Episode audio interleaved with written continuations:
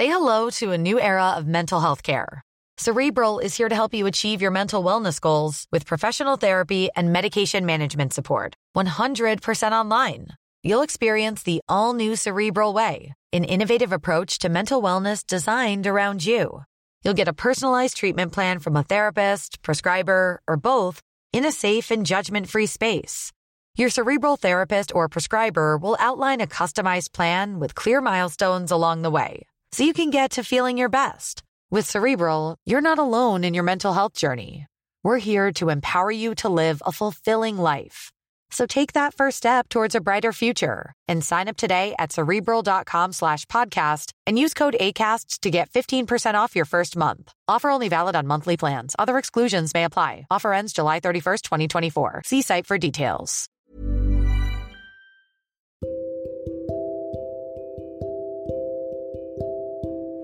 Maaf jika terkesan tidak berkesan, tapi aku harap ini memberi pesan.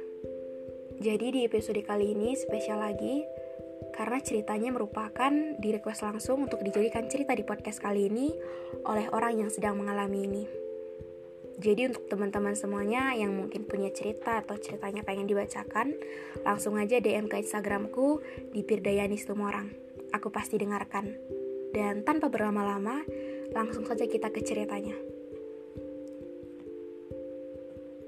Hai pendengar setianya Pirda, terkhususnya juga untuk Mas A. Semoga dia dengar. Ini sebenarnya pesanku untuk seseorang yang sekarang kuliah di Unimed. By the way, makasih banyak ya Pir, udah mau menyuarakan isi hati dan pikiran ini. Karena jujur aja ini udah lama banget. Hahaha. Panjang banget sebenarnya jalan ceritanya.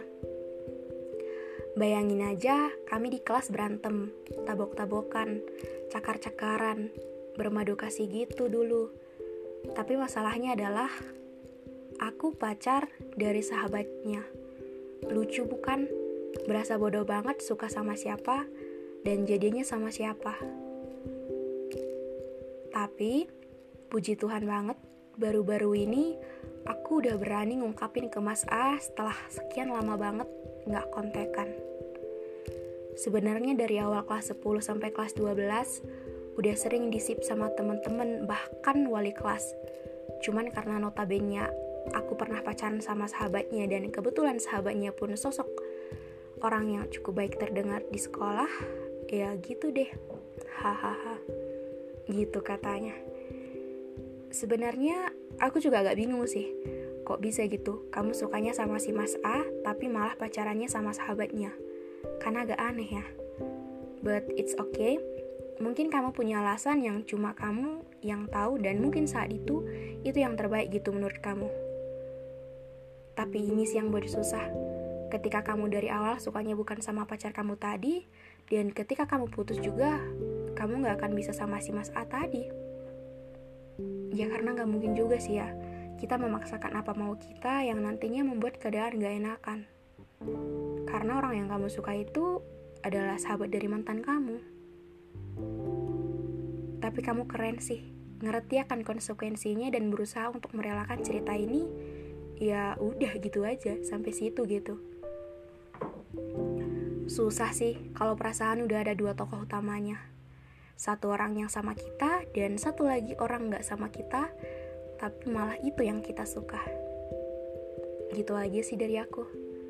Di akhir kata, seperti biasa, stay healthy semuanya. Baik-baik sama diri sendiri jangan menyepelekan kesehatan mentalnya.